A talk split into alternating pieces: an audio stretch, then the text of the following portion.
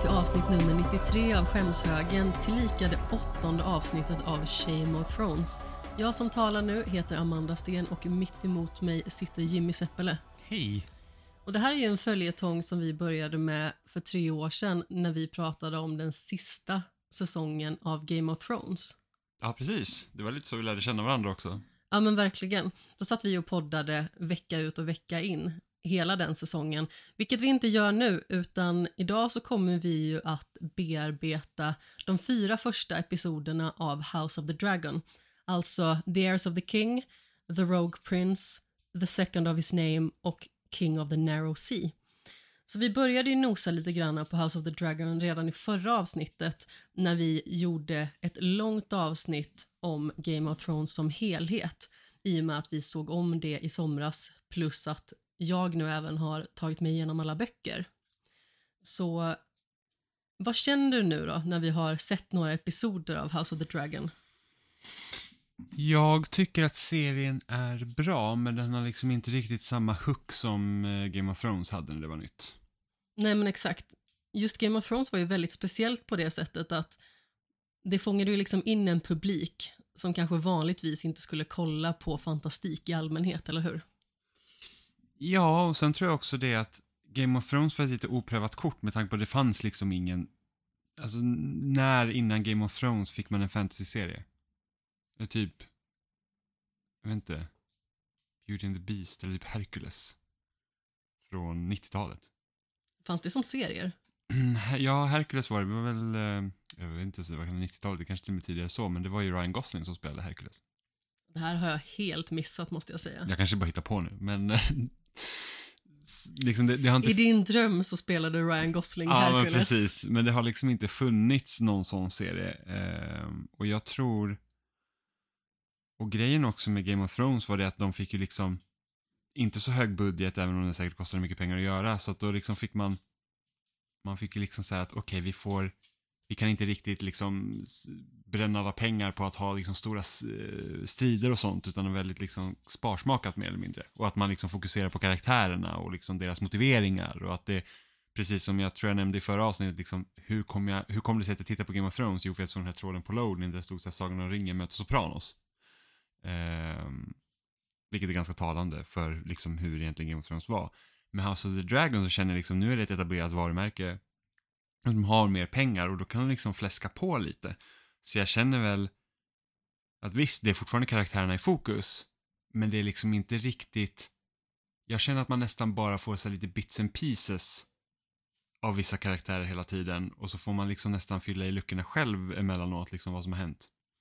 Det kändes ju som att man kom väldigt nära de karaktärerna som man fick bekanta sig med redan i första säsongen av Game of Thrones. Och trots att budgeten liksom inte var lika fläskig så var det ju liksom ändå ganska så namnkunniga individer som var med. Det var ju väldigt stora namn på flera håll, måste jag ju säga. Mm. Och sen så var det ju kanske Sean Bean som var lite sådär posterkillen, eller vad man ska säga. ja. Och det är ju en stor skådis som har gjort många stora roller rent historiskt. ja, jag kan tänka mig att många också kände igen honom som Boromir i Sagan om ringen. Så liksom då kopplar man redan fantasyt där. Ja, ja men absolut. Dels det och sen så har vi liksom också hela den här biten med att det var kanske inte lika vanligt att stora skådespelare gjorde roller i serieproduktioner på det sättet. Utan att de kanske börjar där och sedan så var det liksom filmen Mm. som var fokuset. Att man liksom ska eh, ha stor genomslagskraft liksom på bioduken. Mm. Att det liksom är något form av slutmål. Men nu har det ju nästan vänt lite grann och det finns ju många serier som faktiskt har stora skådespelare. Ja, just på grund av att en tv-serie är inte längre 22 avsnitt lång på typ ABC. Utan det kan ha en säsong som är typ åtta avsnitt.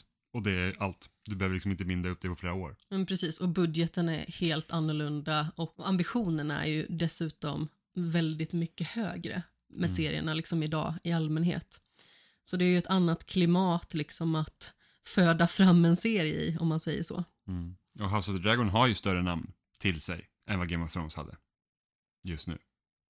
Ja men absolut, alltså det är ju stora namn med i den här serien och eh, det är ju många som man eh, dessutom inte ens har fått se än. Mm. Eller bekanta sig med. Nu vet man ju vilka som kommer att komma in lite senare om man liksom har läst eh, rolllistan såklart.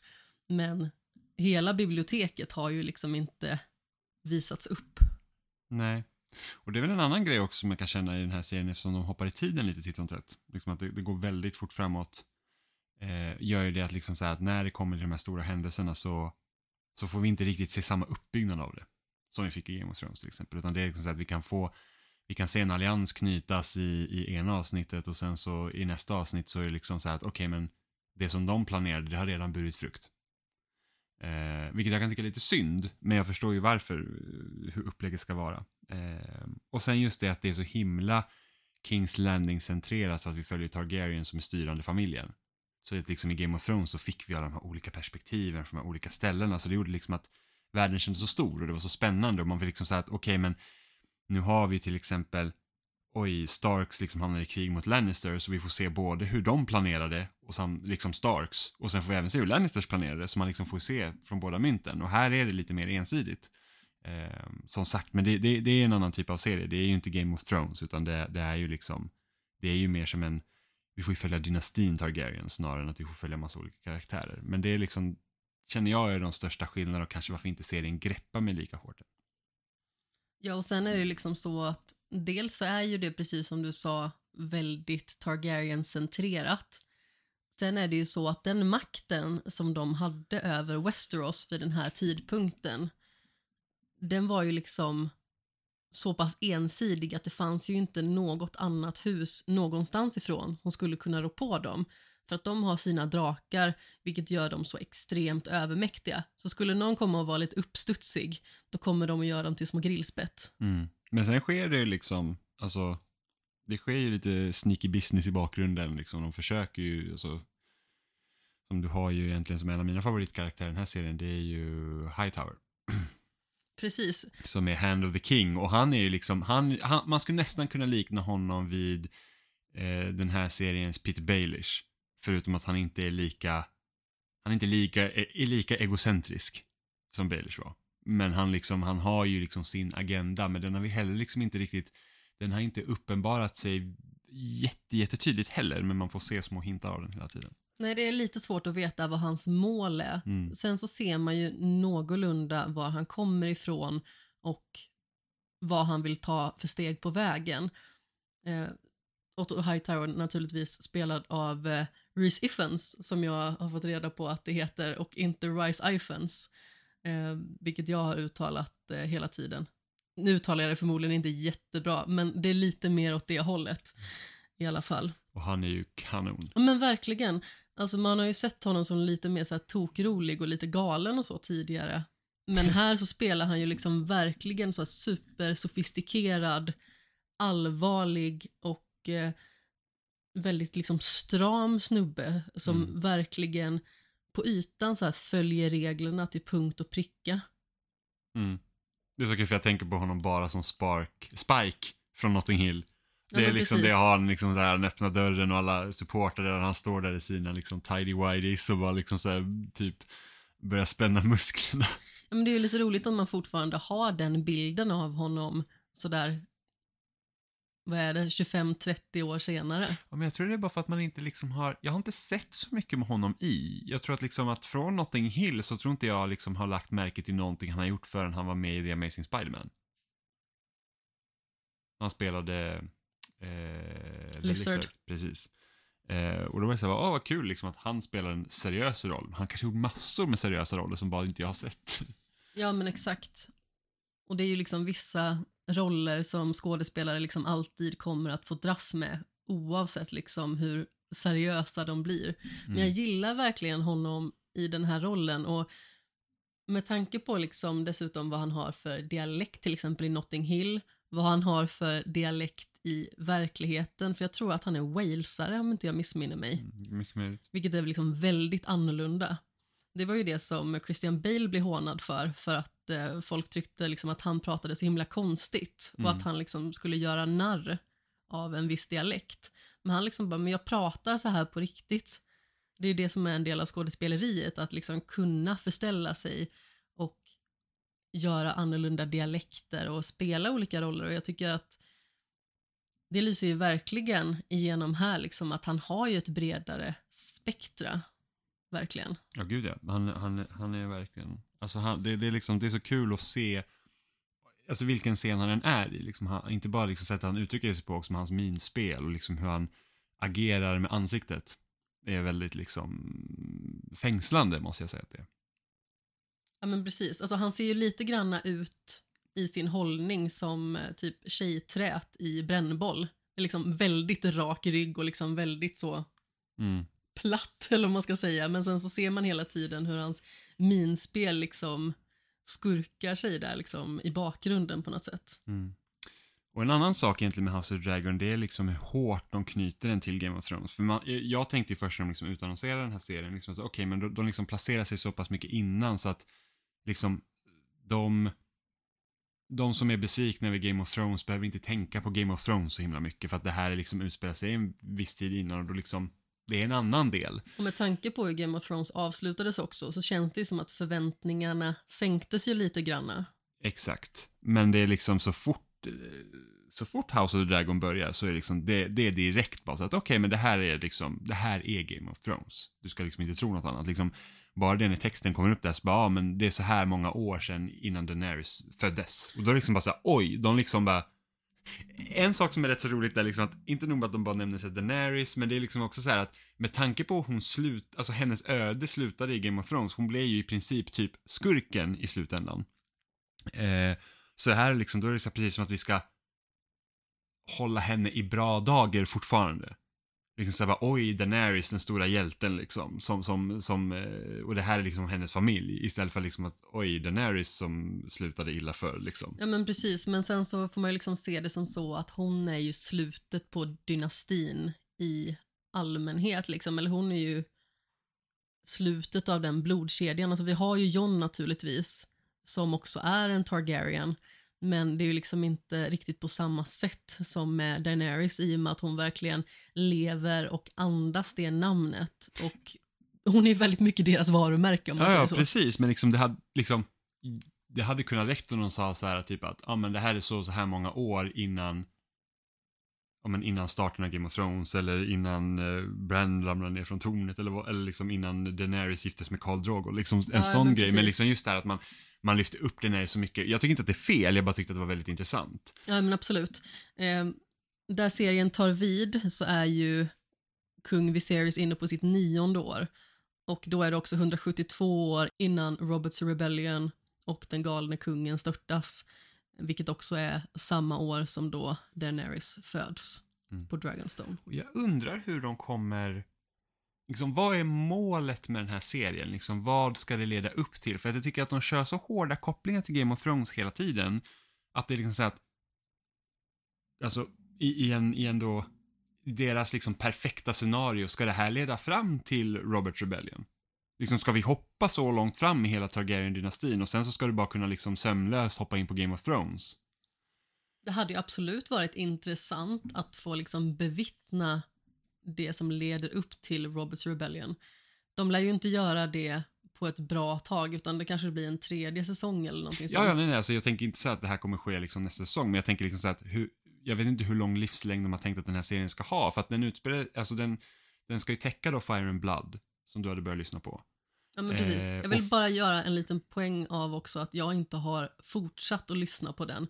Så jag är inte liksom jättelångt in i den boken just bara för att jag kände mig så himla mätt efter att ha lyssnat på de fem liksom A Song of Ice and Fire-böckerna. Så eh, jag kommer inte referera till den vidare mycket, åtminstone inte i det här avsnittet, utan det kanske kommer lite senare. Sen så kände jag lite grann också att det kan nog vara rätt så spännande att inte veta så mycket vad som händer. Mm. Och, och så som jag har förstått det så är Fire and Blood den första boken av två. Så det ska liksom komma en fortsättning på den också. Ah, se där. Men det är så att, så som jag också förstått det så Fire and Blood, alltså House of the Dragon täcker ju inte in allt som händer i Fire and Blood. För Nej, den, går väl, den går väl mycket mer på djupet så att det finns ju säkert massa saker de kan täcka där. Men jag undrar ändå liksom, med en så här att, för de nämner liksom profetian i, eh, liksom varför Aegon ens, visst att han Aegon som tog över? Precis. Ja, Aegon precis. the Conqueror. Yes, eh, så, så det var liksom så här att de nämner den i första avsnittet. Det jag första, de första gör. eller andra avsnittet nämner de liksom det här med att okej, Aegon hade en dröm, han var en drömmare, så att han, ja, inte drömmare i den liksom så att I have a dream och bara, ah, så här, gud, jag, jag, det här vill jag för min familj, utan liksom så att han hade liksom en typ en profetia, han drömde om någonting som han trodde skulle hända, vilket eh, kopplas liksom till The White Walker. Och, det var, och då var det så här att, okej, men för att stävja det här hotet så måste liksom, då måste de ta över Westeros, för att du behöver drakarna. Och en Targaryen måste alltid sitta på tronen för att kunna dessutom mota bort det hotet. Ja men precis, och det kan vi säga är liksom för fritolkning, han kanske hade storhetsvansinne, vad vet jag. Eh, men liksom så här att hela den grejen, och vi vet ju, och det var ju det sättet, jag ihåg, vi har diskuterat sinsemellan innan, men jag tyckte det var så himla synd för att det hotet vi fick se sen i Game of Thrones, det var ju inte den här, eller jo, såklart det hade kunnat vara, men det, men det kändes ju inte som att Oh my god, hela världen höll verkligen på att gå under. Liksom, ett, Daenerys satt inte på tronen, men visst, hon var ju där såklart. Men eh, utan Daenerys så hade ju förmodligen inte de kommit ens förbi muren. För att de behövde ju en död drake för att kunna liksom smälta den. Eh, men, men det är liksom, så att hela liksom den här serien liksom tar tillvara på det. Det är en ganska stor hemlighet också, liksom att, att det, det liksom passerar ner från kung till kung och jag antar att det bryts sen vid Roberts Rebellion för att ja men, uh, The Mad King är knäpp. Så att han har inte förmodligen sagt det till någon av hans, ja i och för sig det kan ju hända att Rhaegar visste det, eftersom han var ju tronarvingen. mm. men Rhaegar- också av. Ja, Rhaegar dog också och ingen har ju sagt det till Daenerys eller Viserys, vad blir det, den tredje? Den andra tror jag att det var. Den andra, ja, eh, Viserys den yngre. Eh, så att de vet inte om det och de försvinner och då är det liksom, och det är kanske det också som gör så att White Walkers kan liksom växa sig så starka helt plötsligt för att jag tror också det att, om inte jag minns fel, så att typ när, när magin, när drakarna försvinner så blir också magin lägre. Det är när Daenerys drakar, när de föds, det är då liksom magin kommer lite tillbaka igen. Jag tror det är någonting sånt förklaras i böckerna. Med den här röda kometen och allting som syns i bok två. Just det, det är ju väldigt mycket som cirkulerar kring det och alla tar ju det liksom som ett tecken riktat mot dem själva. Ja, och det är liksom så här att drakarna är magiska varelser. Så att när de kommer liksom, när det finns drakar igen, då liksom växer magin sig starkare. Sen om det liksom är bogus eller inte, det vet inte jag. Men eh, det är lite så det var förklarat i böckerna i alla fall. Ehm, så att liksom, man kan ju se det som att när Roberts Rebellion händer och Targaryens liksom förintas i princip, så liksom växer hotet i norr sig också starkare för helt plötsligt har du inte den här motpolen. Ja, men precis. Men lite som du var inne på också, det är lite svårt att veta vad den här serien ska ta sig för någonstans och liksom vad det slutgiltiga målet är. För att i Game of Thrones då visste man ju hela tiden att White Walkers är på något sätt finalhotet. Nu blev det ju inte exakt så naturligtvis, men det är ändå de som är det stora hotet mot mänskligheten. Mm. Ja, precis. Och då, och då, hade vi liksom två liksom stora grejer. Det var ju ett White Walkers då. Att, Oj, här kommer ett hot från norr, norr. Men det var inte så centralt för serien förrän i senare säsonger. Det, det som mest centrala, det var ju kampen om järntronen och speciellt via Daenerys då. För det var ju det att hon är från den här familjen som har liksom blivit förintade och hon ska ta tillbaka tronen. Det var ju liksom det som var eh, den stora grejen. Så att då fanns det de här två väldigt distinkta målen. Och målet för House of the Dragon känns ju bara så att okej, vi ska få veta hur Targaryens i princip tog koll på varandra. Ja, men För precis. det, det kommer ju mynna ut i ett inbördeskrig. Ja, nej men det är ju lite lustigt också hur Daenerys verkligen känner att hon liksom är berättigad tronen. För att det var ju liksom inte Targaryen som hade makten i Westeros från början. De har ju däremot byggt upp liksom det här maktspelet. I och med att det var sju kungariken från början som styrdes separat. Mm. Och sedan så kom Egon på sin drake och eh, liksom tog över allting och enade de här rikena då, förutom Dorn som var väldigt motsträviga väldigt länge. Men eh, jag har för mig att de eh, efter många års stridighet eh, till slut gav sig. Undrar hur många år de stred egentligen, för jag tänkte liksom att hur långt det tog för Daenerys att liksom bara mörsa Kings Landing, det tog inte många timmar. Det tog tre minuter. Ja, precis. Hon bara, åh nu är jag sur. Och så bara, Ja men alltså, det låter ju verkligen när man hör det här kring Aegon the Conqueror som att han kom dit, han brände allting ner till liksom små kolbitar och byggde upp det igen. Men det fungerade ju liksom inte riktigt så, utan det var ju väldigt mycket politik inblandat. Sen så hade han ju sina två fruar som också var hans systrar. Och båda de var liksom drakryttare också. Mm. Så vi hade ju Aegon som då red på Balerion the Black Dread. Och sen så hade vi Visenya som eh, då red på Vagar. Som man faktiskt får höra om lite grann i andra avsnittet. För det är en drake som fortfarande lever. Den måste ju vara jättestor tänker jag. Liksom, Mm. I och med att den lever inte i fångenskap. Och eh, ja, men den sätter lite skräck i något form av område har jag för mig. Mm. Just bara för att den håller på att härja och vrålar och har sig liksom i sin ensamhet.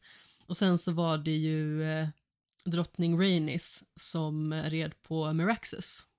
Jag undrar om det finns någon anledning till att Targaryens gifter sig med varandra. Liksom att om, om det har också någonting med profetian att göra, det är liksom att åh, vi måste hålla Targaryen-blodet rent så vi inte blandar in massa annat eh, skrutt som gör att vi liksom, så att vi, liksom, vi, förlorar vår kraft eller vad man nu ska kalla det. Men det är väl någonting i den stilen. Men sen så är det ju liksom så att de kommer ju från ett kungadöme där husen i allmänhet verkar liksom ha det som tradition att de gifter sig med varandra för att det liksom inte ska blandas upp blod så att säga. Mm. Så Velaryon som man också liksom får bekanta sig med, det är också ett anrikt hus som liksom kommer från samma ställe egentligen Mm. och byggs på samma grund. de är också liksom, men de är också typ Targaryens egentligen? Eller? Ja, men de är väl från Valyria? Ja, okej, det är liksom det som är, så, så det, det är väl bara det då, antar Ja, men precis. Mm. Jag kan också säga, kära lyssnare, att alla fakta minns inte vi exakt. Så om det är någonting som vi säger tokigt, ni får jättegärna kommentera och sådär, men eh, ibland så kan det ju vara att man blandar ihop lite grejer och att allting liksom inte sitter som en smäck, för att eh, minnet är ju inte 100% fantastiskt. Ni får tänka på att vi är över 30 nu och eh, det har börjat gå ut för. Det är svårt av oss. Ja. Men som sagt, första episoden som heter The Heirs of the King, det är ju liksom dels ett spel på då att man får följa den första då tronarvingen efter Jaehaerys. Och sen så är det ju dessutom tronarvingarna efter Viserys som påtalas, så det blir ju lite dubbelt där. Um, och eh, kung Jaehaerys han härskade ju fridfullt i över 60 år i Westeros. Men eh, han hade ingen direkt tronarvinge för att de hade trillat av pinn, vill jag minnas. Och eh, jag tror att det är barnbarn både Rhaenys och Viserys den första är. Viserys som dessutom var den sista att rida Balerion the Black Dread, som Aegon också red på när han erövrade Westeros. Um, där står det liksom mellan de två egentligen.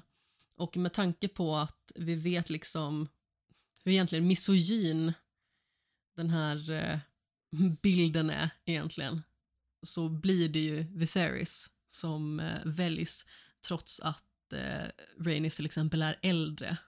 Och dessutom har jag för mig att hon redan har eh, klämt ut sig eller klämt ur sig en eh, arvinge. Fast det kanske han också har gjort å andra sidan, Viserys. Fast då är ju också en eh, kvinnlig arvinge, Ja, precis. Alltså precis.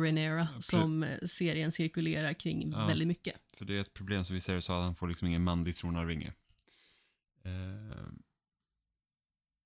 men där måste jag också säga att serien gör liksom ett, en form av påvisar den här eh, obalansen mellan könen.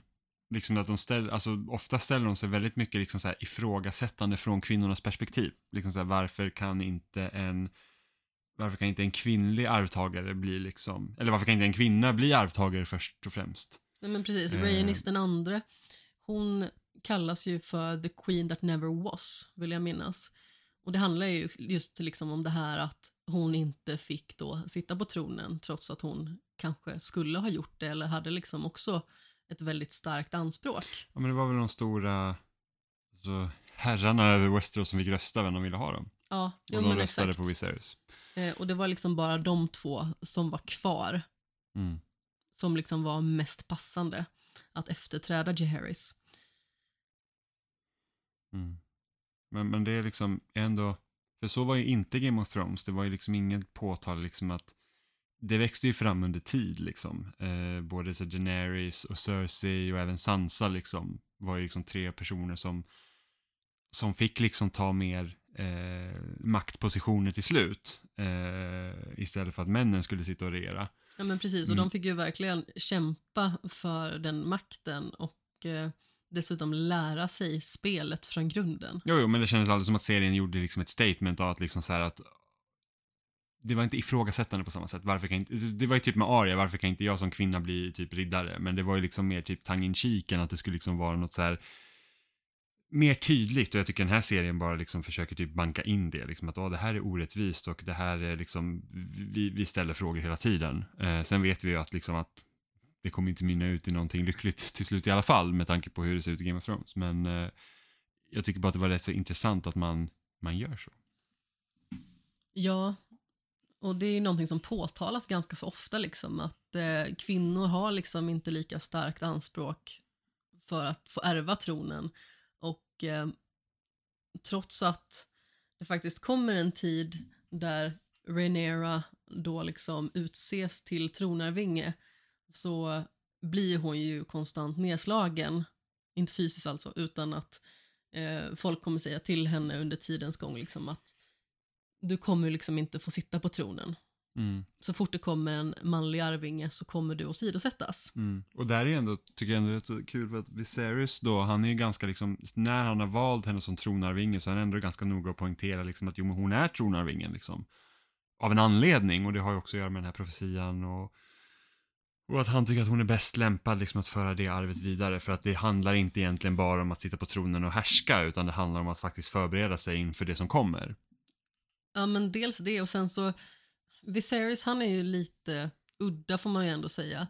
Det känns ju liksom som att han är ju kanske inte den personen som vill ta sig an stridigheter utan han föredrar ju liksom kanske att vara lite mer tillbakadragen och eh, eh, vill behålla den här fredligheten som eh, är Jaehaerys arv på något sätt.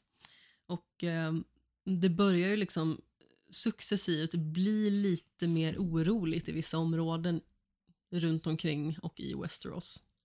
Mm. Och det kan ju också ha att göra med att då anser man då att kungen är liksom lite vek, då vågar man också börja göra sina drag. Mm, precis. Eh, Men han är ju dels vek, men han är också desperat och det ser vi ju också sedan liksom för att hans fru Emma Erin, precis som vi påtalade i förra avsnittet med det här konstiga sociala medier-inlägget.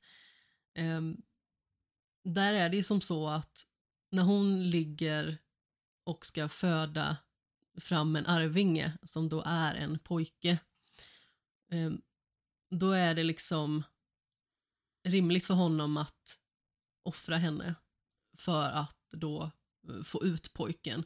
Och förmodligen hade ju båda dött oavsett. Men eh, det som är så himla hemskt det är ju liksom att han tar ju verkligen inte hennes eh, åsikt i beaktning överhuvudtaget. Utan det är liksom den här arvingen som är det viktiga. Eh, den här lilla bebisen ska ut till varje pris och det får liksom kosta hennes liv. Um, och jag förstår ju liksom, precis som vi pratade om med de här inläggen, liksom att man pratar om det här med samförstånd liksom och eh, att eh, eh, hon liksom inte får lämna sitt samtycke. För att det är just det som är så himla hemskt. Och det är också som gör, det som gör den här scenen så otroligt dramatisk och fruktansvärd och så vidrig att se på. Liksom att han är villig att gå såna längder för att få ut den här bebisen som bara ska leva liksom i några timmar egentligen. Men inte bara det också, för att hon säger tidigare i avsnittet att så här att okej, men efter den här ungen så inga fler. Nej, jag orkar inte gå igenom det igen och då är det liksom så här att det har liksom varit ett, kämpat länge, det går aldrig vägen förutom med Renera då, men det är liksom så här att det, hon tycker inte att det är värt det. Eh, och sen så får hon ändå sätta livet till, men precis, hon har ju typ eller haft hon blir offrad i princip. något decennium av att dels få missfall och dels få dödfödda barn att sörja. Så hon har ju verkligen haft det hårt och hon liksom känner ju att jag pallar inte det här mer. Um, och hon ser ju det på något vis också lite som sitt kall, vilket hon också vidare befordrar till Renera egentligen att det här är liksom vår plikt. Mm. Kvinnans plikt är att föda fram nya ungar egentligen som kan göra liksom eh, tronen starkare. Mm. Men jag vill backa band lite. Mm. Du sa att Viserys var vek. På vilket sätt tycker du det? Nej, jag säger inte att jag tycker att han är vek, men det finns ju förmodligen många andra som ah, anser okay, honom då, vek. Då hänger jag med. För att jag tror ju liksom att han, om han nu har liksom haft hans, blir det, hans farfar då, Jaehaerys var mm. det, mm, har varit kung och har liksom haft fred så länge så är det förmodligen det han vill kämpa för för varje pris. Det liksom ska inte slåss i onödan för att slåss. Liksom. Nej men exakt, men jag tror att många anser det som ett tecken på svaghet, mm. liksom att man inte helst vill att det ska gå till fysiska stridigheter utan att det liksom ska vara lugnt och återhållsamt och han vill gärna liksom sitta på sitt lilla rum och pilla med sin lilla modell av Kings Landing och sina små leksaksdrakar och sådär. Och det påtalas ju också liksom vid den här turneringen som anordnas eh, i Bailon som då Eh, den lilla pojken som bara lever i några timmar eh, i hans ära egentligen arrangeras den och eh, barnet föds ju liksom under turneringen egentligen. Den andra som egentligen är liksom en spelare som kanske har liksom ett starkare anspråk på tronen, det är ju hans lillebror Damon. Men det här är ju liksom en vandrande katastrof egentligen. Och för att liksom försöka att stävja hans galenskaper på något sätt så har han liksom fått det här åtagandet då att eh, bli kommendör över The City Watch, alltså The Gold Cloaks. Och eh, han bevisar ju liksom gång på gång att han kan liksom inte hantera något ansvar och han är fullkomligt opolitlig. Och eh, till exempel då eh, får man se att han går ut och röjer upp med klandervärda individer på ett väldigt brutalt vis. Det vill säga, jag för mig att de liksom skär av könsdelar och lite sådana grejer. Mm, men han är lite så här att han är sån som snor godis från små barn bara för att han vill ha en klubba.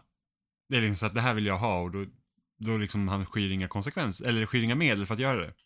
Exakt. Det är liksom, det finns liksom ingen eftertanke eller, eller att man säger att det här, man ska säga nu om, om, om Viserys är mer taktiken, liksom, att han, eller strategen, så är han liksom att okej, okay, men vi, vi kan inte göra så här och så här för att då måste vi tänka på de här parametrarna och Damon bara, varför kan vi inte göra så? Vi har drakar, vi kan göra precis vad vi vill. Exakt. Eh, och han blir ju väldigt hårt kritiserad också av Otto Hightower efter det här och eh, ges lite granna gult kort skulle man kunna säga. Gult kort i tronspelen.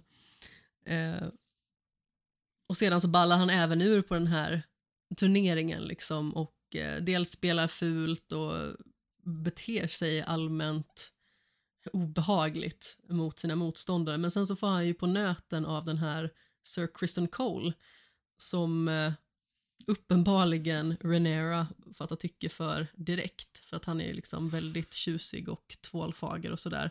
Och han är ju liksom inte från något form av högt stående hus sådär. Så det är liksom inget som vi har fått bekanta oss med så himla mycket tidigare. Och han ska ju också sedan komma att eh, väljas in i The King's Guard efter att eh, eh en företrädare där har avlidit. Mm. Och det är också liksom en, en trevlig karaktär och man eh, kände ju redan från början att eh, det här kommer ju att eh, vara ett eh, liggmaterial. Liggmaterial. Ja, ja, men du förstår vad jag menar. Ja. Och sen i slutet av eh, avsnittet så förvisas ju även Damon. Ja, men precis. Man ser liksom att sprickorna börjar där. Exakt. Och det är ju för att han eh, uttalar sig väldigt otrevligt om eh, Bailon. Eh, the air for a day. Mm. Vilket liksom ja, det är ju så himla ofint och så himla respektlöst mot eh, Viserys. Jag tror också att Balon är döpt efter Viserys pappa. Ja, det är mycket möjligt. Som också liksom var eh, tronarvinge för ett tag. Um, det får vi kanske veta lite mer om sedan varför han inte eh, satt på tronen någon gång. Jag Mm. för mig att Jaehaerys hade tre eller fyra barn, nu är jag inte helt säker. Har inte det i minnet, men det var ändå ett gäng. Och eh, han eh, levde förbi dem alla, om inte jag missminner mig. Och sen så var det kanske några kvinnor också. Men avsnittet slutar ju helt enkelt med att eh, Rhaenyra då blir den rättmätige tronarvingen. Och eh, Viserys vill ju naturligtvis att hon ska agera därefter. Men hon är liksom någon form av så här, nästan blandning mellan Daenerys och Arya. Så hon är lite trotsig, hon vill inte göra som alla andra vill. Och man märker liksom från början att hon har en väldigt stark vilja. Eh, hon eh, beter ju sig också väldigt liksom, trotsigt även i närheten av sin bästa vän Alicent Hightower som då är Ottos dotter. Mm. Och eh, det märks ju liksom att de ändå har ett väldigt speciellt band. Jag var också nästan lite så här, men kanske det blir någonting mellan de två. Inte för att man inte skulle kunna vara vänner utan att det blir liggeria liksom, men eh, jag tyckte ändå att det kändes som att det fanns något särskilt där. Mm. Och eh, jag hade ändå kunnat gilla det. Och sen så hoppar vi ju liksom i tiden. Det händer ju några gånger. Alltså vi har ju sex månader i andra avsnittet. Mm. Och då börjar det bli liksom snack om att nu måste Viserys gifta sig. Precis. För att det fortfarande har, även om man har utsett Rhaenyra till liksom sin tronarvinge så är det fortfarande det här att ja, men du måste ha en tronarvinge. Helst en pojke typ. Och att du är kung, du måste gifta dig, du måste ha liksom en, en drottning.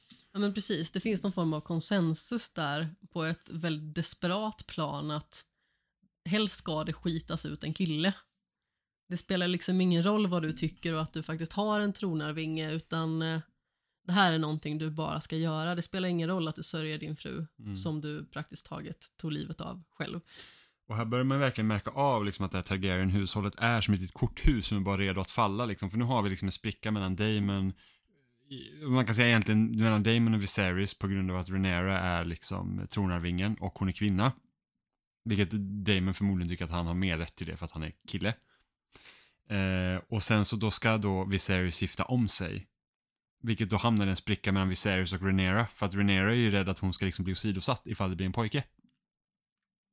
Eh, så då börjar man ju liksom märka, okej, liksom, att det, det är liksom folk är så osäkra på varandra och de vet liksom inte varandras motiv hela tiden, vilket gör att de liksom blir misstänksamma och, och, och liksom nästan lite svartsjuka åt sina håll, bara för att liksom att alla vill på något sätt sitta på makten. Och trots att det faktiskt är så att eh, Rhaenyra helst liksom hade varit en krigare, alltså lite som Arya, och eh, egentligen liksom vill spendera tiden med att mestadels vara en drakryttare, så vill ju hon väldigt gärna sitta på tronen. Ja, det märks. Hon vill regera. Hon vill regera och hon vill styra och ställa och hon har liksom väldigt starka tankar och åsikter någonstans. Mm.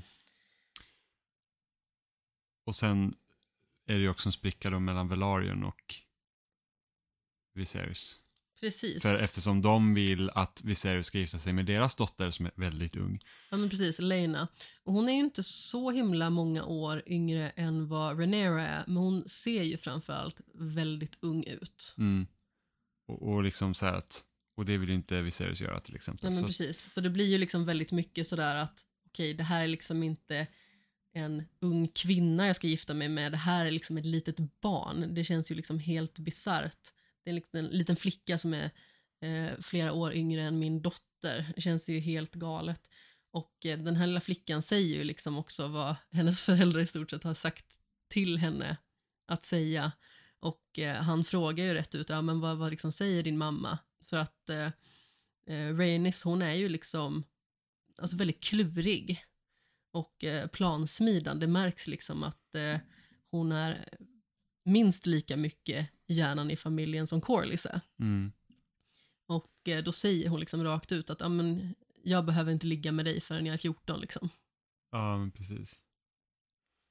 Så det är Eh, liksom väldigt väl uträknat och eh, det märks ju liksom att eh, Corlys Velaryon inte är helt nöjd med Viserys i allmänhet liksom. Och Nej, men det har just därifrån så känns det som att han ser den här vekheten. Mm. Ja, men det är för att Cordis hade ju gärna typ gått och bara bränt ner lite free cities och, och liksom säga att ja, men vi säkrar handelsrutterna här så att ingen liksom kan ta, varför kan vi inte ta över hela världen typ? Det är så han ser på det i princip. Och så var det den här, eh, kallar man honom krabbkungen? Eh, the Crab Feeder. ja men precis, som, som liksom har, sitter vid Narrow Sea tror jag, precis vid Vid Stepstones. i Stepstones där och, och liksom ha kontroll över det och typ liksom de piratar egentligen deras båtar och sånt. Ja men precis. Eh, Craigas Drahar tror jag att det uttalas. Eh, jag minns inte exakt.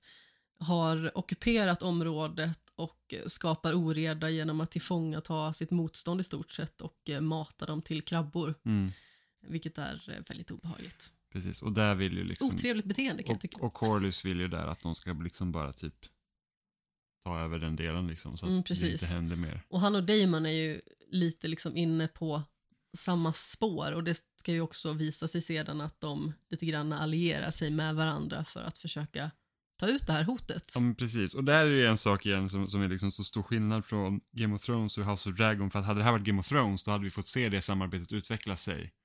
Och det hade kanske liksom varit en stor final i säsongen när liksom det blir stridigheter. men Liksom på, precis. på, men här är det liksom så att, okej men, Här är det typ klipp till att de går hand i hand Ja, ja, och men- strider tillsammans. ja men precis, de, de liksom bindlar en allians och så tänker man oj det kommer bli jättespännande nästa avsnitt men då har det liksom gått så pass lång tid att de har haft den här alliansen jättelänge. Liksom. Så att, ja, det, det är lite synd för det hade varit kul att se liksom du, går in lite mer på djupet på de där förhållandena. Precis, progressionen blir väldigt avig för att det är hela tiden liksom så himla mycket tidshopp Mm. och det är så mycket som inte vi får se känns det som. Ja, man får se liksom, man får se det som, det är nästan som man får se the highlights liksom. Men det, det känns ändå inte lika framstressat som eh, sista säsongen av Game of Thrones gör.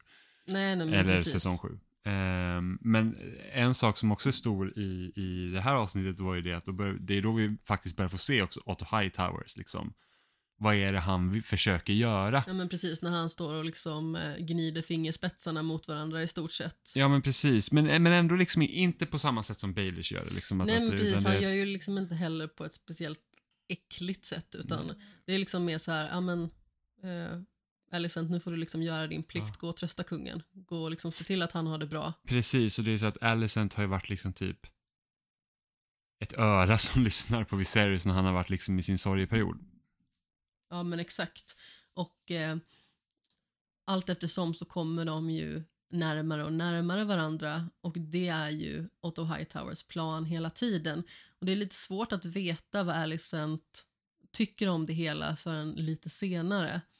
Eh, för att hon verkar ju eh, känna sig väldigt stressad i situationen men samtidigt så kanske hon är en väldigt bra skådespelare när hon är med Viserys liksom för att hon får honom att känna sig väldigt omhändertagen och sedd och som att men, även att jag har förlorat mitt livs kärlek så finns det kanske ett liv efter det. Och som sagt, han har ju lite sig själv att skylla får man ju ändå säga i och med att han var så himla desperat att liksom knäcka ut en pojk. Mm. Men eh, samtidigt så är det ju inte konstigt att eh, den sorgen finns kvar. Eh, och jag tror att de uppenbara påtryckningarna från andra håll gör honom jäkligt stressad. Mm. I synnerhet i och med att han har någon form av skum sjukdom. Ja men precis, det som vi inte har fått veta än vad det är Nej, för men någonting. Men det är exakt. liksom så att han, Alltså det är ju inte grayscale. nej. För att det här är liksom kladdigt och varigt lite grann. Ja men jag skulle nästan säga att det ser ut som typ liggsår. Ja, men jag tänker lite så här böldpest Ja men det uppstår liksom, det uppstår, det uppstår sår på hans kropp helt enkelt. Av Ja. ingen anledning, eller de vet inte varför. Ja men precis, och han kommenterar ju på det i första avsnittet bara, men jag har stuckit mig lite på knivstolen. Mm. Ja men det är faktiskt en grej i Game of Thrones-böckerna är det, att liksom de som sitter på tronen, den är inte bekväm och eh, man skär sig på bladen. Ja men precis, det är väl eh, Aerys, the Mad King, som eh, konstant skär sig på tronen för att han är en sån klantröv. Mm. Ehm, men så att, då, så att Viserys gifte ju sig med Alicent. Ja men precis, och det var ju en ganska så stark avslutning i andra avsnittet ändå för att då sitter ju hela hans råd där och inväntar liksom vad han ska säga. Mm. Och då har vi ju Lena Valerion i ena ringhörnan och sen så vet man ju liksom inte riktigt mer i rådet om man säger så. Men det vi har sett det är ju liksom att det är uppenbart att Alicent Hightower är i andra ringhörnan. Mm, precis. Mm. Och han väljer henne, vilket ju gör Corlys jävligt sur. Ja, och det är då han går till Damon. Precis. Eh, så då, då byter han eh, Targaryen så att säga. Ja, exakt. Och det är liksom på Otto Hightowers egentligen smidda planer. Ja, ja men precis. att Han, har ju typ så här svart bälte i fiffel liksom. Ja, men han, liksom, han har egentligen med hjälp av Alicent har han manipulerat Viserys. Mm. Och det är liksom så att, är målet för Otto Hightower då liksom att, okej han vill ha en tronar, alltså han vill ha en, ett barnbarn då på tronen. För att han vill ha den makten eller liksom vill han säkra sin familjs framtid så att liksom de har det bra. Alltså vi vet inte riktigt exakt vad anledningen är förutom så att man kan dra det lätt och säga att åh, han vill vara med på tronen. För det är inte, det är inte för honom själv om inte han planerar också att vara hand to the king för sitt barnbarn till exempel. Ja, men exakt. Man är väl ganska så säker på att det går åt sketan för hela liksom Hightowers som släkte sedan. Jag tror inte att de nämns. Liksom, I Game eh, of Thrones? nej. nej, jag tror inte heller det. Utan jag tror att, eh, att den ätten liksom dör ut Mm. egentligen. Någonstans på vägen. Ehm, men samtidigt så eh, det är väl liksom en möjlig teori liksom att han vill se sin eh, dotterson då på tronen. Och eh, Alicent och Viserys får ju också en son. Och eh, skutta fram i tiden tre år så är eh, lille prins Aegon två år gammal. Ja, Och Alicent är eh, dessutom gravid och som en jättestor boll igen. mm. ja men där var, ju Så verk- de har legat i. där var ju verkligen så att oj, nu hoppar vi liksom fram igen och så länge liksom. Väldigt långt. Ja men exakt. Visst att man kanske gör något tidshopp här och där men jag tycker liksom att det kanske blir lite mycket. Mm. Ja, och det är därför man lite undrar så här, vad är målet med serien Mm. till slut? Liksom, Det känns vad, liksom lite framstressat hur- när de håller på så. Hur mycket är det vi egentligen ska få se? Det är liksom så här, ta en annan serie som också hoppar fram i tiden mellan säsongerna i alla fall, så är det The Crown. Eh, som finns på Netflix som eh, handlar om brittiska kungahuset. Liksom egentligen drottning Elizabeth. Eh, och där har det varit liksom så att de två första säsongerna så var det Claire Foy som spelade Elizabeth och sen så hoppar man fram ganska rejält i tiden eh, och då är det Olivia Colman som spelar eh, Queen Elizabeth i två säsonger och nu ska det vara hon som spelar hon som spelar Professor Umbridge eh, ska vara Queen Elizabeth nu i, Och jag kommer inte ihåg vad hon i, heter. i, i nästa säsong eller om det är nästa två säsonger, jag minns inte om det ska vara två säsonger med henne eller, eller om det är bara en. Men så, så där gör man ju liksom, visst det hoppas ju tiden också i, i liksom en säsong också, det kan liksom gå något år där liksom så. Men där gör man de här stora hoppen liksom mellan, mellan säsongerna egentligen. Ja men exakt. Men här har vi ju inte heller fått se då att det naturligtvis, vilket inte är så konstigt, har liksom eh, blivit en liten klyfta egentligen mellan Renera och Alicent. De är ju liksom inte best friends forever längre om man säger Nej så. men precis, och det har att göra med liksom att, att, att Renera har ju haft Alicent som liksom så här, någon som hon kan berätta saker för liksom och, och, och ja, men liksom Anförtro sig till. anförtro sig till, precis. Eh, och nu helt plötsligt så är det så att, och hon vet ju om, Alicent vet om att Renera har velat liksom vara, alltså regent egentligen, att hon vill liksom sitta på tronen, för det var ju ganska mycket så i, i första och andra avsnitt när de pratade, liksom så att hon bara, men va, varför skulle inte hon kunna vara arvtagerska? Och nu känner sig Renera väldigt sviken. Ja, men det är klart för att nu har helt, nu är Alicent ny drottning och de har fått en son tillsammans, alltså Viserys och Alicent, som liksom hamnar ju direkt direkt motstånd egentligen till att säga att Precis. oj, han skulle också rimligtvis kunna ha liksom en, en, en claim till tronen. Strålkastarljuset hamnar ju liksom direkt på den här lilla pojken då som eh, framförallt eh, Otto Hightower och eh, många med honom anser liksom är mer rättmätig eh, värmare av tronen liksom. Mm, precis, och då, då är det bara så att jag tror inte att Viserys kommer överleva hela säsongen ut. Liksom. Haha, Definitivt inte, han mår och- ju skit. och då är bara frågan, hur dör han? Och när han dör, hur många kommer liksom ställa sig bakom Rhaenyra och hur många kommer vilja att Egon ska sitta på tronen? Ja men exakt, och sen så har vi ju eh, det vilda kortet, Damon också. Precis, som en riktig luring. För att han, han, det känns ju verkligen som att han bara arbetar för sina egna ändamål hela Men tiden. han tar ju inga fångar liksom. Nej, precis. Eh, även om han liksom, han har väl bra sidor han också, men det är ju verkligen så här att när han gör någonting så bara det där är förmodligen med en baktanke. Hans bästa sida är att det är Matt Smith som spelar honom. Ja, men precis. Jättebra jobb verkligen. Jag kan inte oläsa nu att jag råkade skriva Matt Damon innan. Ja, det, ja, det hade ju varit en, alltså det hade typ varit i samma stil som med Interstellar. Att man bara, det hade inte varit så här, där är typ en Targaryen, där är Matt Damon i, i vit peruk. Jo men precis, men jag råkade skriva alltså Matt som i Matt Smith och sen så Damon som är hans namn i House of the Dragon, alltså D-A-E-M-O-N. Ja, det kan man också göra. Ja, det var vad jag gjorde av misstag. ja. Ehm. man får ju se honom också en, eh, en ganska så rejäl bit i eh, det här avsnittet också, i tredje avsnittet som vi har börjat eh, gå in och talla på lite grann. Och eh, samtidigt då som ehm, egentligen ja, alla som eh, håller sig liksom nära tronen, om vi tar liksom eh, Viserys, Rhaenyra, Alicent med eh, bihang liksom, är på något form av eh, turnéspel. Så ja, det är väl för att eh, Aegon fyller två, har jag för mig, Mm. som eh, den anordnas. Och det ska vara någon form av jakt där i anslutning till det också. Samtidigt som de är där och lajar och eh, Rhaenyra får liksom ett bryt och eh, rider iväg jäkligt argt och eh, Sir Kristen Cole, även känt som det blivande ligget, eh, följer efter och eh, eh, ska liksom ta henne tillbaka då för att eh, skydda henne. Sedan så har de liksom en trevlig stund i skogen.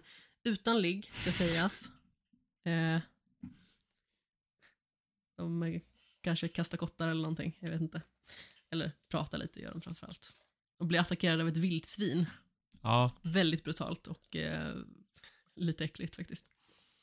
Eh, och där ser man ju också lite grann att eh, Rhaenyra liksom har den här mer vilda sidan till sig.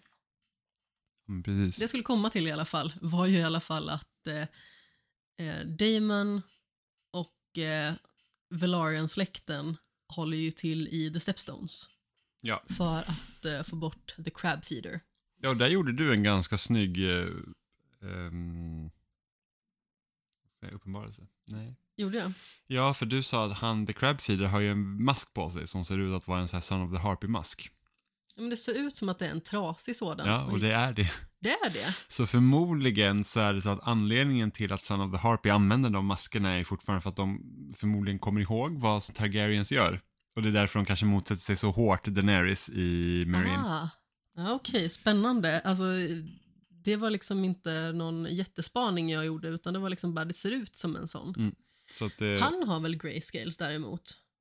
eh, när jag läste någon artikel om att han var sjuk, men det var inte grayscales. Ja, okej. Men det är lätt att dra den parallellen liksom. Ja, men speciellt när vi inte, vi, ett, ett, vi vet inte någonting och sen så är det liksom, man, man tar det första man Mm. liksom känner igen det som. Ja, men precis. Och vi får ju veta ganska så lite emellan de här liksom stora grejerna som händer. Mm. Eh, och det är ju ganska så synd, för det är ju liksom trådarna i bakgrunden och de små detaljerna som gör Game of Thrones till en så fantastisk serie. Eh, majoriteten av tiden i alla fall. Mm.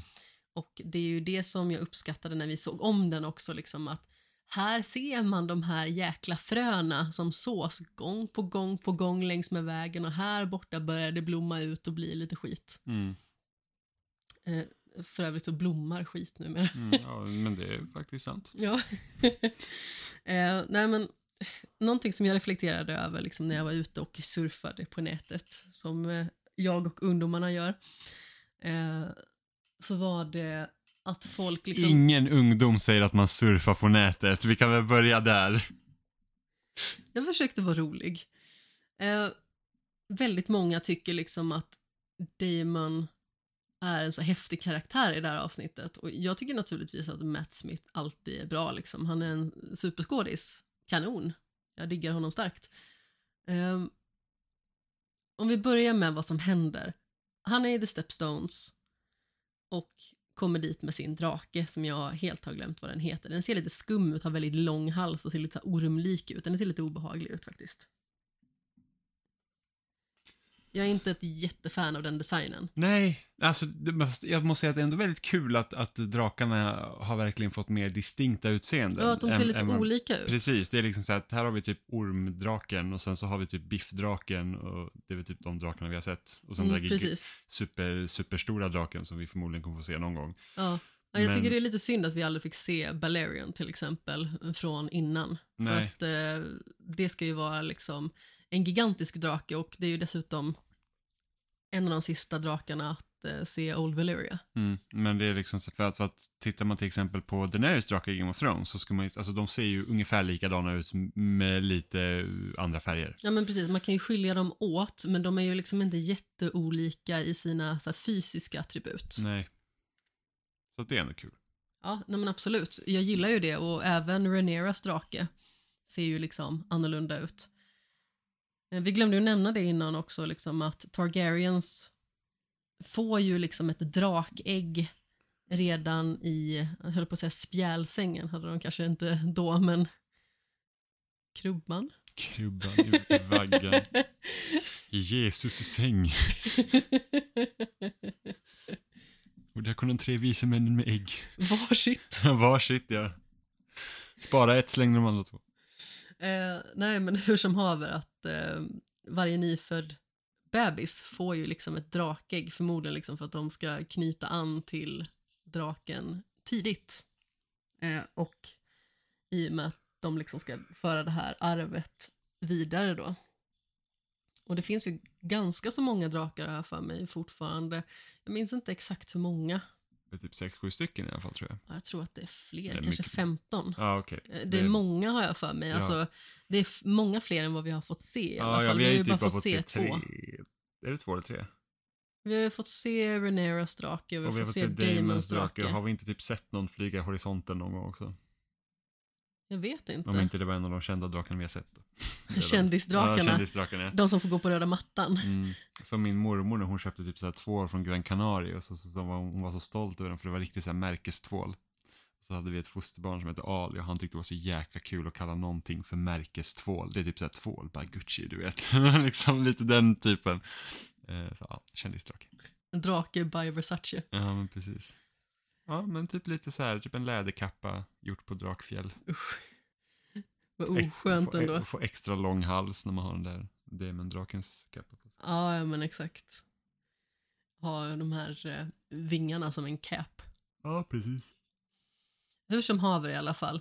Eh, det är liksom en stor strid som eh, genomgås där i The Stepstones och dels så kommer han ju liksom inridaren på sin drake och eh, gör lite grillkorv av eh, både den ena och den andra.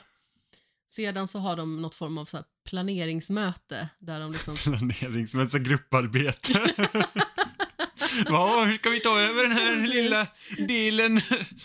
Har du någon idé? Hur, typ... hur ska vi mula The Crab Feeder, ja, diskutera det, i små och, grupper. Och fyra stycken suger verkligen om inte ens var där och sen är det två stycken som får dra lasset och i det här fallet så är det en som drar lasset egentligen för de alla andra är så värdelösa. Ja men precis, han tröttnar lite grann kan man ju säga på att de andra inte drar sitt strå till stacken och eh, låtsas att de är eh, förkylda och någon dyker inte upp och skolkar liksom. Ja men precis. Eh, och sen så är det någon som hjälper till lite grann och gör lite research.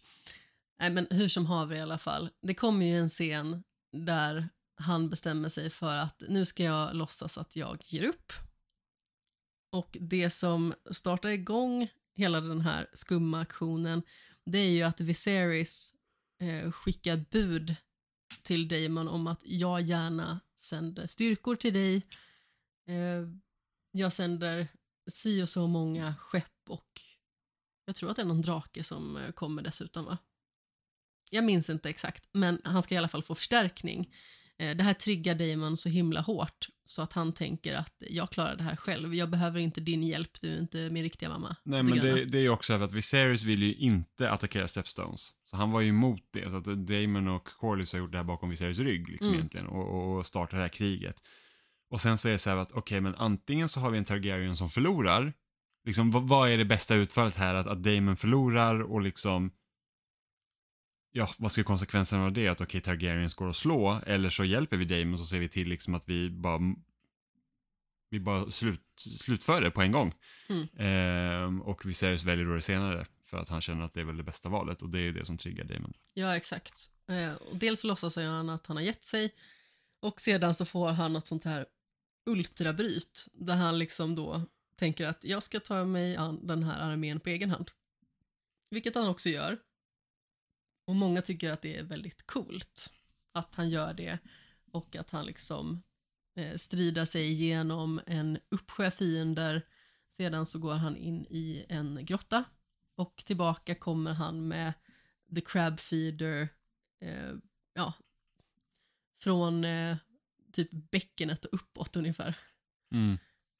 Eh, han har liksom huggit eh, den här motståndaren då i tu. Ja. Eh, vi- väldigt äckligt måste jag säga när man liksom fick se hela ja, tarmsystemet hänga utanför. Hade, Det är sånt jag inte hade behövt se liksom, när jag sitter och äter mina köttbullar. alltså jag hade gärna velat få se liksom mer av Crabfeeder för man vet egentligen ingenting om personen. Nej men precis, men det var ju också en sån grej som kändes eh, lite förhastad. I och med att vi vet ju inte så himla mycket om vad alltså, motivationen är där. Det känns liksom som bara att okej, det här är en skurk. Skurken ska dö. Skurken ska bort. Mm. Måste ta tillbaka the stepstones. Mm. Och jag måste ju faktiskt säga att jag tyckte hela den där striden var lite pajig.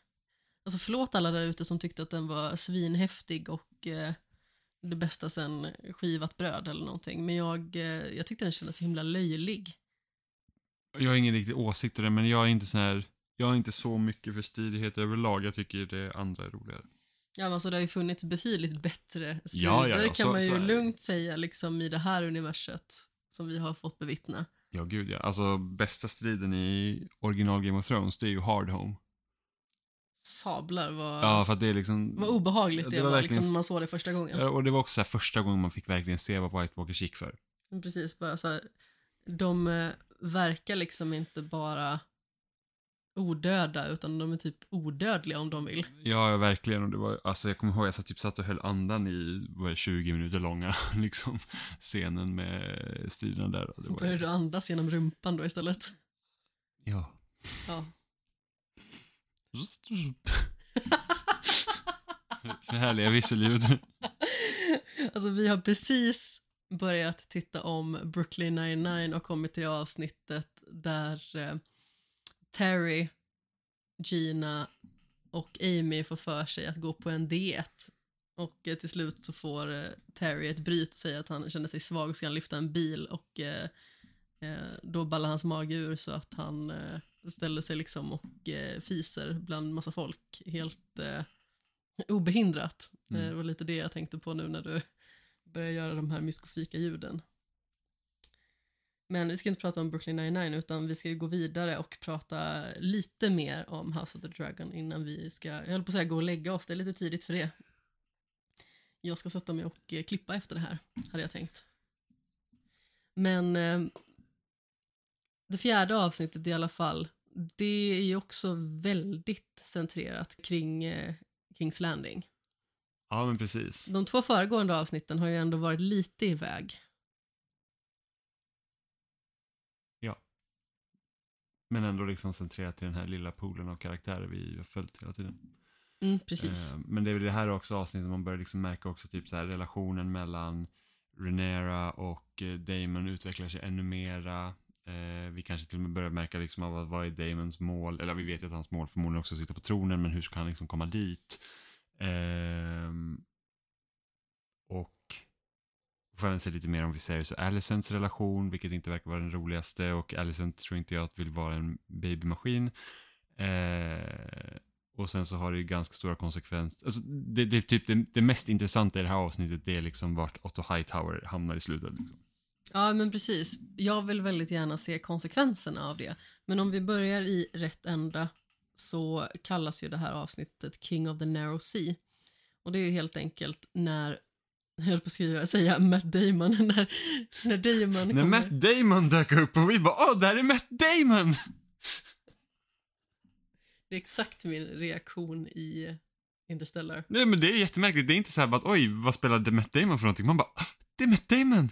Jag tänker på Han den är här... på den här planeten, han är strandsatt. Ja men precis, vad har hänt med Matt Damon? Hur kom han dit? Eh, men det är lite sån här typ, ehm, den här bilden från Once upon a time in Hollywood med Leonardo DiCaprio när han har sin här gula tröja på sig och så pekar mot tvn. Ja, Mm, exakt så precis, är det. Matt Damon! Det, det är så kul. Ja, men verkligen. Det är 100% den bilden. Ehm, han kommer ju tillbaka i alla fall, Damon, till Kings Landing och försonas med sin bror och eh, det verkar liksom som att saker kanske då ska bli lite mer frid och fröjd hädanefter. Han har också klippt sig. Och eh, Mm, Han hittar en frisör på vägen tillbaka Ja, till men precis. jag är lite nyfiken liksom på vem som bara så här, ja, nej men det här långa håret kan vi ju skippa nu. Nu är du liksom eh, klar med stridigheterna, nu måste du snofsa till dig lite. Men han är ju the bad boy nu, kort hår. Ah, ja, men exakt. Ja, det, var, det var dumt av mig. Ehm, det kanske var så mycket blod i håret så han var tvungen att kapa av det. Ja, men precis. Det är inte helt omöjligt För faktiskt. de, vet, de har inte uppfunnit tvålen. Nej, precis. Framförallt inte lyxtvålen. Nej, märkestvålen, precis. Hur som haver i alla fall. Han kommer tillbaka och börjar eh, ganska så direkt ställa till med oreda. För att eh, han drar ju ut eh, Rhaenyra på något form av eh, rendezvous liksom i Kings Landing. Och eh, under uggletimmen som de kallar det, iförd förklädnader, eh, tar de sig runt i staden, dricker lite vin, kollar på någon föreställning och eh, sedan så går de in på en bordell. Ja, men precis. Lite rätt av Titan. Ja, faktiskt eh, 100%. Och eh, jag tycker ju ändå att man har känt den här kemin mellan dem redan från början. Alltså redan när de träffas första gången, så som vi får se det, Mm. så är det ju liksom någon form av alltså sexuell kemi känns ju lite rått att säga kanske i och med att eh, Rhaenyra är liksom så pass ung som hon är i början. Men det finns någonting där i alla fall och han kommer med det här eh, tror det är bara du som tänker på snusk hela tiden. det tror inte jag. Eh, han kommer med det här halsbandet som han har med som present till henne av valyriskt stål och eh, sätter på henne det helt enkelt. Och det känns ju liksom som att deras relation kommer ju vara betydelsefull resan igenom och eh, jag hade ju inte varit förvånad om de faktiskt blir ett par med tanke på liksom vilka traditioner som Targaryens har. Mm. Eh, men hela den här situationen i alla fall när de börjar hångla och eh, vänslas lite och eh, tafsa. Vi vet inte om de gör någonting mer, men jag tror inte att de gör Nej, jag det. tror, jag, tror, jag, jag tror inte att de ligger med varandra. Utan han, Mm. han, det är precis som Renera säger till Alicent sen hon konfronterar henne. Det är det att de kysstes och sen så går han därifrån. Ja, men precis. För han eh, flyr ju fältet och hon springer tillbaka till eh, sitt torn där hon istället hittar ligg nummer två. ja, men precis. Sir Kristen Cole springer hon på när hon ska tillbaka in i sitt rum för då går hon ju liksom den eh, rimliga vägen. Innan så hade hon ju smugit ut bakvägen i sin lilla hatt och ser ut som en pojke enligt folk. Vilket jag inte riktigt köper men eh, jag antar att eh, om man inte visar sitt hår så ser man ut som en pojke eller någonting i Kings Landing. Eh, och eh, den kemin har man ju också känt sedan länge. Ja, gud ja. Så de har ju eh, sitt Rajtan Titan där och då, Mm. vilket man ju kunde se komma. Och eh, det känns ju ändå som att deras relation är liksom mer sprungen ur någon form av kärleksfullhet än liksom den med Damon. Den är ju bara destruktiv och eh, eh, det är ju en baktanke från Damons sida som blir ganska så uppenbar. Mm.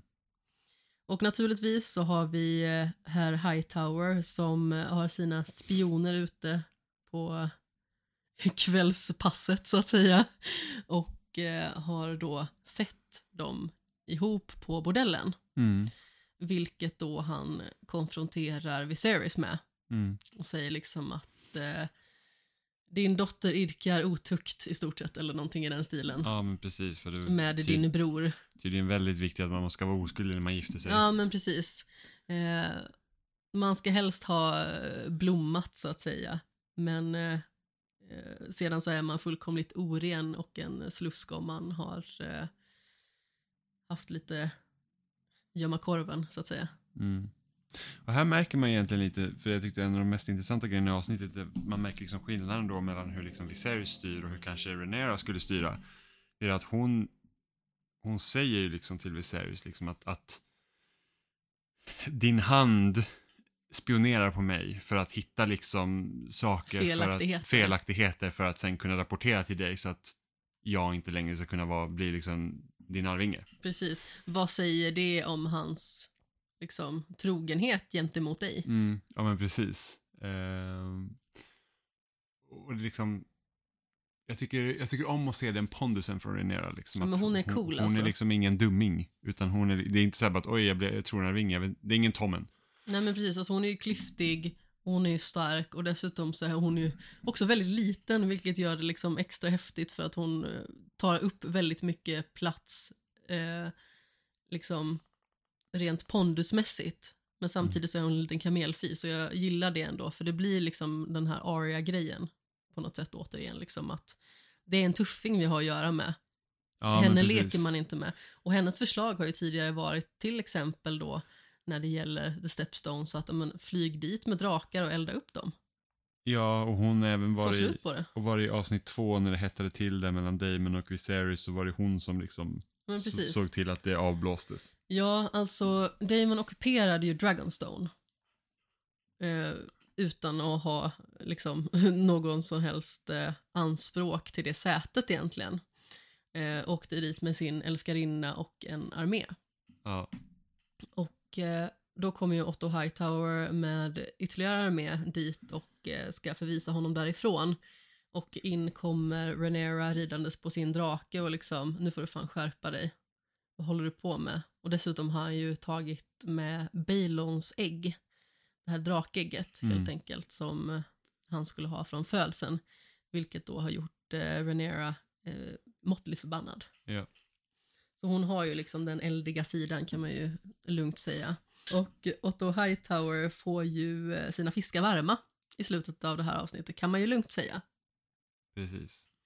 Och liksom, alltså Viserys verkligen så här eh, konfronterar honom och säger att är liksom är du så benägen om att ditt barnbarn ska sätta sig på tronen att du liksom du går liksom förbi mig. Du fifflar så. bakom min rygg. Ja, precis. Och han liksom han avsätter honom egentligen som Hand of the King. Mm, precis. Och det går ju också upp för honom att eh, det förmodligen då är Ottos fel att Viserys pappa dog under en jakt. Ja, precis. Om inte jag missminner mig helt. För att Hightower var ju också Hand of the King till Jaehaerys. Precis. Om det är så, om det inte bara är det att Viserys börjar bli liksom paranoid. Så kan det ju absolut vara. Men samtidigt så har han ju fog för det med tanke på att man börjar ju liksom se då vad Otto Hightower håller på med.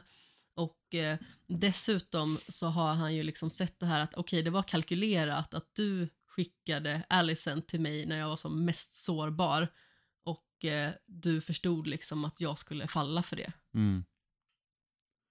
Det här liksom var en känslig punkt som eh, du utnyttjade. Precis. Så jag är ju väldigt spänd att se liksom hur Otto Hightowers resa ska bli nu. För nu har jag inte direkt access till kungen på samma sätt. Nej men precis, och jag har ju en viss känsla av att eh, Otto Hightower kommer bli Viserys den förstes död. ja, mycket Om möjligt. inte sjukdomen tar honom först. Precis, men det kan också vara Otto Hightowers fel att han är sjuk. Det kan det också vara. Det vet vi inte, eh, om det är så pass. Men han är Otto Hightower är en mycket mer sympatisk person än eh, till exempel Peter Baelish var. Jo, men absolut. Men samtidigt, han är ju en Jo, lurifax. jag, jo, att han liksom. kan göra det, men jag tycker att det är så... När man liksom, när Peter Baelish pratade till exempel om det här med att eh, liksom kaos är liksom en stege och hela det liksom, liksom att han bara säger att han rör om i grytan för att det liksom, det, det brukar löna sig för honom. Så är, så är Otto Hightower lite annorlunda för att även om, vi säger att även om han skulle liksom är orsaken till att Viserys dör och an, antingen om hans mystiska sjukdom eller på något annat sätt så är han ju ändå liksom, jag tror inte han tycker illa om Viserys på det sättet. Nej, men precis. Och han verkar ju inte göra det heller enbart för att liksom främja sig själv också. Snarare att han främjar sin familj. Då. Sen är ju Peter Baelish också en karaktär som förväntar sig att alla andra ska underskatta honom hela tiden och han utnyttjar ju det till fullo. Ja. Och eh, därmed så lyckas han också göra ännu mer skurkaktiga saker hela tiden och eh, han är ju den person egentligen som sätter väldigt många bollar i rullning under hela Game of Thrones gång egentligen. Ja, det är han som startar egentligen alla Ja. skeenden som händer i Game of Thrones genom Exakt. att han får hjälp sig till att, eh, Lysa Arryn förgiftar eh, John Arryn. ja precis. Och det är det som, för det är då, då skickar ju Liza Aaron det här brevet till eh, Cat. Och som säger att hon tror att Lannister har dödat John Aaron. Och det är så, Precis. och det är därför Ned åker liksom till, ja, ja till Kings Landing helt enkelt. Och sen var det hela igång. Ja, men precis. Jag försöker fundera på om det är någonting mer som vi ska nämna eller om vi liksom har tömt ut allting Ja, det, som vi det, har. fin, det finns en viktig koppling till Game of Thrones som händer i det här avsnittet också. Och det är den här dolken. Nifen. Nifen. Jag känner Så- en väldigt stark koppling till den här kniven. Ja, men precis. Ehm, Vill du berätta varför? Jag förstår ju varför du är väldigt förtjust i små knivar. Det är att när Ryssland invaderade Ukraina så blev det väldigt fart i vår gemensamma chatt eh, som vi har med några kompisar. Att folk började typ köpa stormkök och typ samla vatten för att Ja, ifall det skulle liksom bli riktigt dåliga tider och Precis. Ryssland skulle få någon storhetsvansinne men de lyckas inte över Ukraina så att de skulle kunna slåss på flera fronter. Nej, men, men så lagrade mat och sen så hade de liksom resekit och eh, eh, vandringsutrustning liksom klar stående vid dörren i stort sett och jag blev så himla stressad av Ja, det här precis. och vad gjorde jag då Jimmy? Och, här, och det är inget fel med att liksom vara förberedd. Det, det, alltså, egentligen borde man alltid ha lite survival kit hemma så att ifall, alltså, det skulle, säg bara att det blir strömavbrott i två veckor. Så, så måste man kunna hantera det. Ehm, så, att, så det är bra, men i alla fall, det var ju väldigt mycket så att och Ryssland helt plötsligt bara attackerade, vad gör vi om de attackerar liksom Sverige eller Finland eller vad som helst, att vi var beredda helt enkelt. Eh, och då var så här, Amanda blev så stressad så att hon tänkte så här, hmm, vad kan jag köpa som verkligen hjälper? Det är så här, Och som ingen annan har tänkt Ja, men det på. är så här, hmm, stormkök, ja men det är ganska bra. Eller typ vattendunkar, det kan också vara bra att ha. Eller typ så här, jag vet inte, det är rea på batterier på Rusta, det är väldigt bra att ha batterier. Och några ficklampor kanske ifall det skulle liksom riktigt skita sig. Nej, Amanda bara, hmm, jag köper en liten Muminfällkniv. Liksom så här, inte nog med att man liksom köper en kniv. Kniv, visst, bra vapen, men vi måste också köpa den farligaste kniven man kan hitta, det vill säga en Muminkniv. Det var faktiskt en schweizisk armékniv.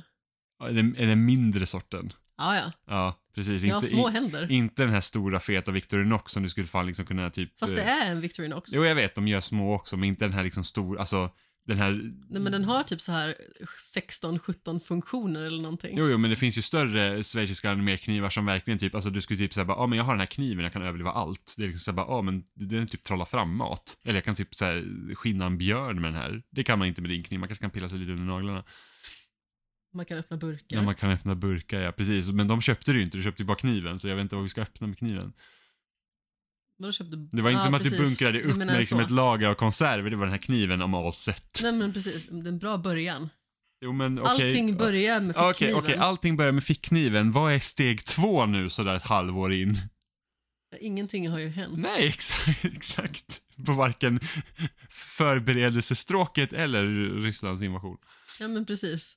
Så jag går ju liksom i linje med Ryssland här. Alltså att ingenting har hänt, alltså har ingenting hänt Mm. hos mig heller. Den där kniven var viktig. Ja, jag vet, det låter ju jättepatetiskt och jättekonstigt när man liksom berättar det i efterhand och eh, eh vid varje tillfälle som Jimmy får så skämtar han om min fickkniv. Eh, och eh, jag har också blivit eh, lite hånad för det på jobbet, men jag gör ju liksom sådär lite skämt av mig själv kring det hela, så det är inget med det egentligen. Men eh, jag vet inte varför jag skaffade just en kniv. Det var liksom så här, jag sökte på liksom, alltså schweizisk armékniv. Jag tänkte att det är bra att ha liksom för att den innehåller liksom flera olika... ryssen kommer kan man kniva Den innehåller... den innehåller flera olika verktyg Mm, tänkte jag. Precis, man kan kniva den antingen med, med det långa bladet, det korta bladet. Vill man vara riktigt liksom spicy, då tar man korkskruven. Man ska aldrig underskatta korkskruven. Mm, eller tar man lilla saxen så bara klipper vi nagelbanden. Hur som helst i alla fall. Eh, jag googlade på det här och sen bara, här, den här ska jag ha.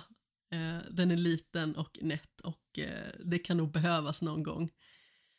Eh, ja, alltså förmodligen så tycker jag alla att jag låter helt från vettet och eh, det gör jag också. Ska jag ju villigt erkänna. Eh, jag har inte ångrat att jag skaffade min kniv. Men jag känner mig ju faktiskt väldigt löjlig. Och eh, det är ju med all rätt egentligen. Jag gjorde ungefär som jag gjorde när det var tal om att eh, Stockholm kunde stängas ner vid pandemin. Var att jag tog ut ett par extra lådor insulin. Ja, och det är ju definitivt rätt tänkt. Jo, fast det var också rätt så kul för att jag kommer ihåg att jag började bunkra på med konserver då också. Det Det gjorde du. Och s- Och sen så satt du med de här jäkla konserverna Ja, med jag mat åt som ju- du inte ville ha. Nej, precis, men det är bara så här, ett, det är väldigt mycket kolhydrater i dem och eftersom jag har diabetes så är det inte så bra att få sig så mycket kolhydrater. Men det är så att kan jag inte gå och handla så måste jag kunna äta någonting och konserver är billigt. Men, Ja, det ja här, men gud ja. men det var så här, det var typ, alltså jag bodde, i alltså jag bodde nära universitetet och den byggnaden jag bodde i så var det väldigt många så här utbytesstudenter. Så det var Mm. väldigt många andra liksom, alltså, alltså människor som kom från andra länder helt enkelt. Och det var så kul när jag gick till affären då för att handla mina konserver, det var jag och typ tre vita studenter till. Det, är så här, det kändes verkligen så här Svensson, vi bara, ah, vi är skiträdda och alla andra bara så här, så det är lugnt. ja. Ja. Men den här kniven var i alla fall viktig i, eh, för att eh, Viserys då sätter den liksom i, i elden och, och liksom bränner på, på eh, själva, är det, är det den kniven som, som Bran, som de försöker mörda Bran med? Är det den kniven vi pratar om här? Det är inte helt omöjligt för den För jag såg vet- väldigt lik För jag ut. vet att den kniven har varit med tidigare i, i House of the Dragon. Och den är Eh, också och- av Valerian Steel, Precis, precis, så, så, som att- den så det kan hända att det är den här dolken. Men i alla fall, det som kommer fram på den här dolken är att den här texten som säger liksom att oh, the prince who was promised kommer liksom uh, av frälsaren. Det är som typ, eh, vad heter hon, the red priest? Uh, Melisandre. Melisandre pratar om liksom att det är ju, det är ju, det är ju den som hon letar efter. Liksom the prince who was promised. Och det finns ju massa teorier i, i, i böckerna om, om, eller ja, i böckerna, runt böckerna om, om vem det är. Vissa tror att det är Jamie, vissa tror att det är John eh, och lite så. Och det är liksom den här kniven har den profetian intryck på sig också. Så jag såg någonstans på internet att det är någon som, alltså det är inte omöjligt kanske att vi till och med får se Melisandre i den här serien. Mm. Men vissa tror ju också att, eh, alltså, om inte jag missminner mig nu och har drömt det här, eh, så skulle det också kunna vara Danny som Ja, är the precis. princess who was promised. Exakt. Och det Eh. pratade vi lite om i förra avsnittet. Ja, men exakt för att eh, det uttrycket där är liksom det okönat egentligen. Det skulle Mm. kunna vara prince eller princess, bara det att de flesta tolkar det som prince. Och då är ju bara frågan, är det Arya som är the princess who was promised med tanke på att det är hon som dödade Night King med dolken? Det är inte helt omöjligt. Men det är liksom, ja ah, precis. Men här är också en grej som liksom tar upp hela den här profetian också som, som egentligen liksom inte riktigt får något svar i Game of Thrones. Liksom, Melisandre hon skuttar iväg och typ blåser bort i vinden.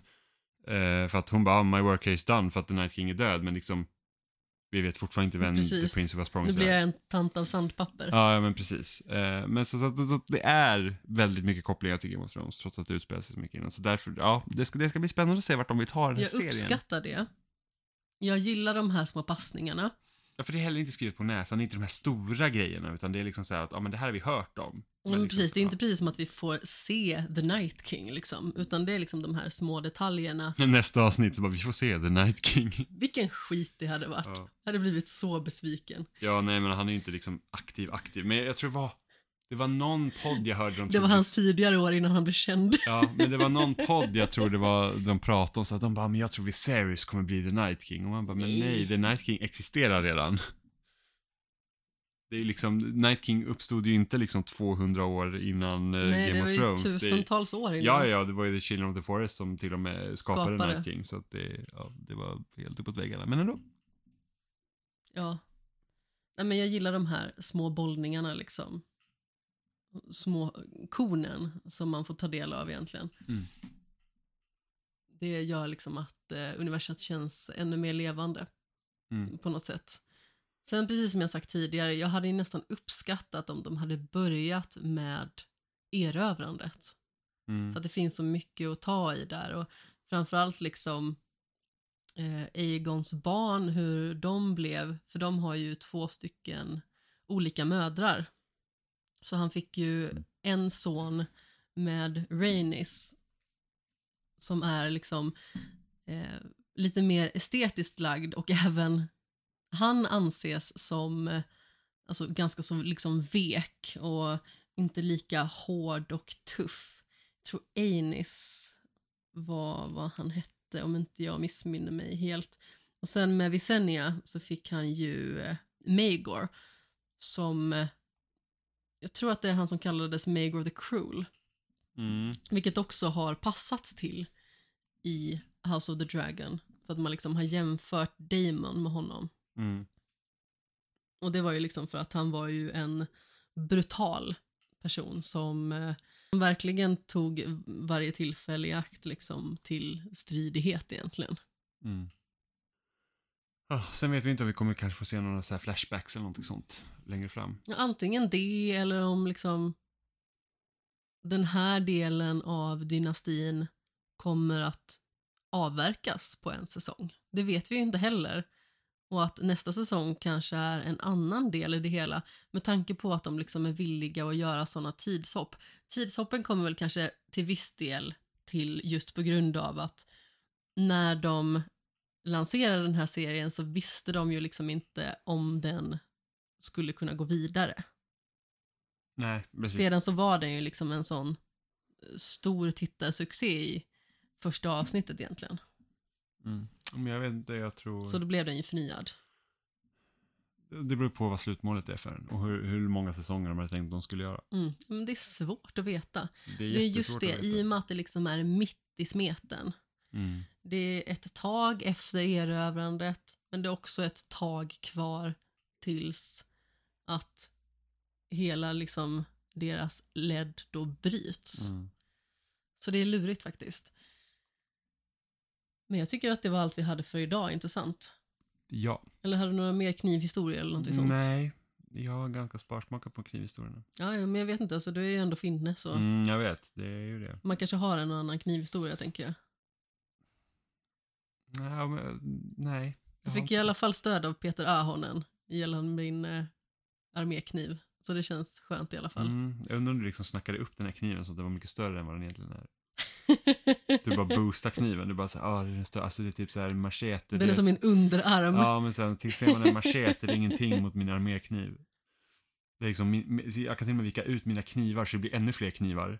Jag kan ändå tycka att du har lite en del i det här liksom för att du eh, har eh, invikt mig liksom i eh, det finska tankesättet. Jag sa Det är ingenting viktigt att ha nifen. Ja, precis. Jag är finne så att jag är automatiskt rädd för ryssen. Det är så att, precis som Stark säger Winter is coming, så liksom vi finnar visar ryssen kommer. Det är liksom, det, det är, ut, det är liksom såklart. Vi har knivar, finska kniven är den bästa kniven. Och ja, det är väl det. Ja, du ser.